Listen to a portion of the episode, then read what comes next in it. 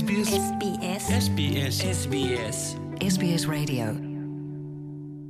ඔබ මූල්‍ය දුෂ්කරතා අත්විඳින්නේ නම් සහ ණයගෙවීමට දැඩි අපහසුතාවයකට පත්වී සිටිනවා නම් ඔබේ අයිතිවාසිකම් මොනවාද යන්න තේරුම් ගැනීම ඉතාම වැදගත්. ඔබ ඔබේ ණයහිමියන් සමඟ ඔබේ මූල්‍ය අර්බුදය සම්බන්ධයෙන් සාකච්ඡා කරන විට ඔබේ අයිතිවාසිකම් පිළිබඳව දැනගැනීම ඔබට බෙහෙවින් උපකාරවෙන්න පුළුවන්. දඩ මුදල් පුද්ගලික ක්‍රෙඩිට් කාඩ් සහ පුද්ගලික ණය ඒවගේම උපයෝගිතා බිල්පත් සහ ටෙලිකොම් බිල්පත් වැනි සමහර පොදු ණය අර්බුද තත්ත්වයන් තුළ ඔබට ඇති ප්‍රධාන අයිතිවාසිකම් ගැන වැඩි විස්තර ඔබට අද වැඩසටානෙන් දැනගන්න පුළුවන්. ණය මුදලක් නොගවීම නිසා ඔබව සිරගත කිරීමකට ලක්වෙන්න පුළුවන්ද කියලා අපි දැන් බලමු. මෙහිදී ණය මුදලක් නොගවීම නිසා ඔබව සිරගත කරන්න පැහැ. නමුත් ඔබ යම් දඩ මුදලක් ගෙවීම පැහැරහැර ඇත්නම් එහිදී ඔබට නඩු පවරා සිරගත කිරීමක් සිදු කරන්න පුළුවන්. දඩ මුදල් අනිකුත් ණයවලට වඩා වෙනස් වෙන්නේ ඒවා නීතිය කඩකිරීම හේතුවෙන් රජය විසින් පනවන ලද දඩුවම් වන නිසා. ඒවා නොගවීමේ විපාක ඔබේ රියදුරු පරපත්‍රය අවලංගුවීම හෝ සිරගත කිරීම වැනි බරපතල තත්ත්වයක් වෙන්න පුළුවන්. අනෙකුත් ණය සඳහා අදාළ වෙන්නේ ණය පිළිබඳ නීතියයි. එම නැත්තම් ක්‍රෙඩිට් ලෝ එකයි. තින් මේ ක්‍රෙඩිට් ලෝ එක ක්‍රෙඩිට් කාඩ් ණය පුද්ගලික ණය හෝ ලීසිං සඳහා අදාළ වෙනවා. එය මූල්‍ය සහ උකස් තැරහුම් කරුවන්ටද අදාළ වෙනවා. ණය පිළිබඳ සම්බන්ධ ගැටලුකාරී තත්ත්වයන් වලදී ඒ ඉතා පීඩාකාරී වෙන්න පුළුවන්. කෙසෙව්වත් පාරිභෝගිකකු ලෙස ඔබව ආරක්ෂා කරන සහ ඔබ මූල්‍ය දුෂ්කරතා ඇතිවිට ඔබේ අයිතීන් සුරකීම සඳහා ඔබට උපකාර කළ හැකි පුළුල් නීති ඔස්ට්‍රේලියාවේ පවතිනවා. ඉතින් මේ ක්‍රෙඩිට් ලෝස් වලට අනුව ණය ගෙවීම සඳහා ණය ලබා දුන් ආයතනය විසින් කාලීන ඒවගේම සාධාරණ හා පලදායි විසඳුමක් ඔබ වෙත ඉදිරිපත් කළ යුතුයි. ඉතින් මේ ක්‍රෙඩිට් ලෝස් වලට අනුව ඔබට තියෙන අයිතීන් මොනවද කියලා අපි දැන් බලමු. ඔබ ණයගෙවීමේ යම් පහසුතාවයකට පත්වෙලා ඉන්නවනම් ණය ගෙවීම සඳහා ණය ලබා දුන් ආයතනය විසින් කාලීන සාධාරණ හා පලදායි විසිඳුමක් ඔබ වෙත ලබාදීම සිදු කළ යුතුයි. ඔබේ නයහිමියා සමඟ ණය සම්බන්ධ ගැටලුවකට එකඟතාවකට පැමිණීමට නොහැකි නම් බාහිර පාර්ශවයක් කරා නොමිලේ ණය ගැටලුව නිරාකරණය කර ගැනීමට අවස්ථාව ඔබට සලසාදී යුතු වෙනවා.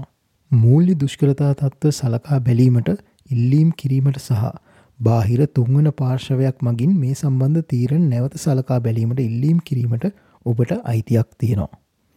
ඔබගේ ණයගෙවීම් පැහැරහැරීමක් නිවැරදි කිරීමට අවම වශයෙන් දින තිහක කාලයක් ඔබට ලබාදී යුතු වනවා. ඔබේ අවශ්‍යතා සපුරාලන සහ ඔබට දැරිය හැකි ණය පමණක් ලබාදීමට ණය නිකුත් කරන ආයතන බැඳී සිටිනවා. මෙහිදී ඔබට නුසුදුසු ණය නිකුත් කිරීම නීතියෙන් තහනම් වනවා. අපි දැන් සොයා බලමු විවිධ ණය වර්ග ආශ්‍රිතව ඔබට ඇති අයිතිවාසිකම් මොනවද කියලා. යුටිලිටිස් බිල්ස් එනම් උපයෝගීතා බිල්පත් ගෙවීමට ඔබට අපහසු තත්ත්වයක් පවතිනව නම් ඒවගේ අවස්ථාවකදී සාධාරණ ආපසු ගෙවීමේ වැඩ පිළිවෙලක් සඳහා අයදුම් කරන්න ඔබට අයිතියක් තිබෙනවා. ඒවගේම එලෙස සාධාරණ ගෙවීමේ ක්‍රමයක් ලබාදීමට අදාළ ආයතනයටද වගකීමක් තියෙනවා. එසේම ගෑස් විදුලිය වැනි සේවා විසන්ධි කරනවා නම් ඒ සඳහා කලින් දැනුම් දීමක් කර තිබීමද අත්‍යවශ්‍ය වෙනවා. දුරකථන සේවා සඳහා හිඟ මුදල් හෝ ණය පවතින අවස්ථාවක ඔබේ ටෙලිකොම් ආයතනය ඔබේ තත්ත්වයන් සලකා බලා සුදුසු විකල්ප ඉදිරිපත් කිරීමට කටයුතු කළ යුතුයි. මෙහිදී ඔබගේ භාවිතා පිරිවය අඩු කිරීමට විකල්ප අවස්ථා ලබා ගැනීමට ඔබට අයිතියක් තියෙනවා. එසේම සුදුසු පහසු ගෙවීමේ ක්‍රමයක් ඉල්ලා සිටීමේ අයිතියක් ඔබට තියෙනවා. ඔවුන් ඔබේ සේවාව සීමා කිරීමට හෝ විසන්ධි කිරීමට පෙර ඔබේ සැපයුම්කරු විසින් අවම වශයෙන් දින පහක දැනුන්දීමක් ලිකිතව ලබාදීම අනිවාර්ය වෙනවා. අපි දැන් බලමු කුඩා හෝ කෙටිකාලින ණය සම්බන්ධයෙන් පවතින නීති මොනවාද කියලා. ඩොල දෙදහක් දක්වා වූ මෙම ණය ලබාගෙන ගෙවීමට අපහසු නම් ඒදි ඔබෙන් පොලි හෝ ගාස්තු පනවා ඇති සීමාවට වඩා වැඩිය ණය කිරීම හැකියාවක් එම ආයතනවලට පවතිනේ නෑ. එසේම මෙම ණය නිකුත් කිරීමේදී ඔබට නුසුදුසු ණය ලබාදීමට පෙළඹවීමට අදාළ ආයතනවලට හැකියාවක් පවතින්නේ නෑ. එසේම ඔබේ ණය මුදල සඳහා ඇප කර ලබා ගැනීමේ හැකියාවක්ද ඔවුන්ට පවතින්නේ නැහැ. මෙම අවස්ථාවන් සියල්ලේදීම ඔබට අදාළ ආයතනය සමඟ එකඟතාවයකට පැමිණීමට නොහැකි නම්. නොමිලේ බාහිර තුන්වන පාර්ශවයකින් ඒ සඳහා විමසීම් කිරීමට අයිතියක් තිබෙනවා. ඒ සඳහා අවස්ථාව ලබාදීමට අදාළ ආයතනය නීතියෙන් බැඳී සිටිනවා. එසේම මූල්‍ය උපදේශකවරයෙකුගේ උපදෙස් ලබා ගැනීම හෝ මූල්‍ය උපදේශකයකු හරහා එම ආයතන සමඟ සම්බන්ධ වීමට ඔබට වඩා හොඳ විසඳුම් ලබා ගැනීමට අවස්ථාව උදා කරනවා.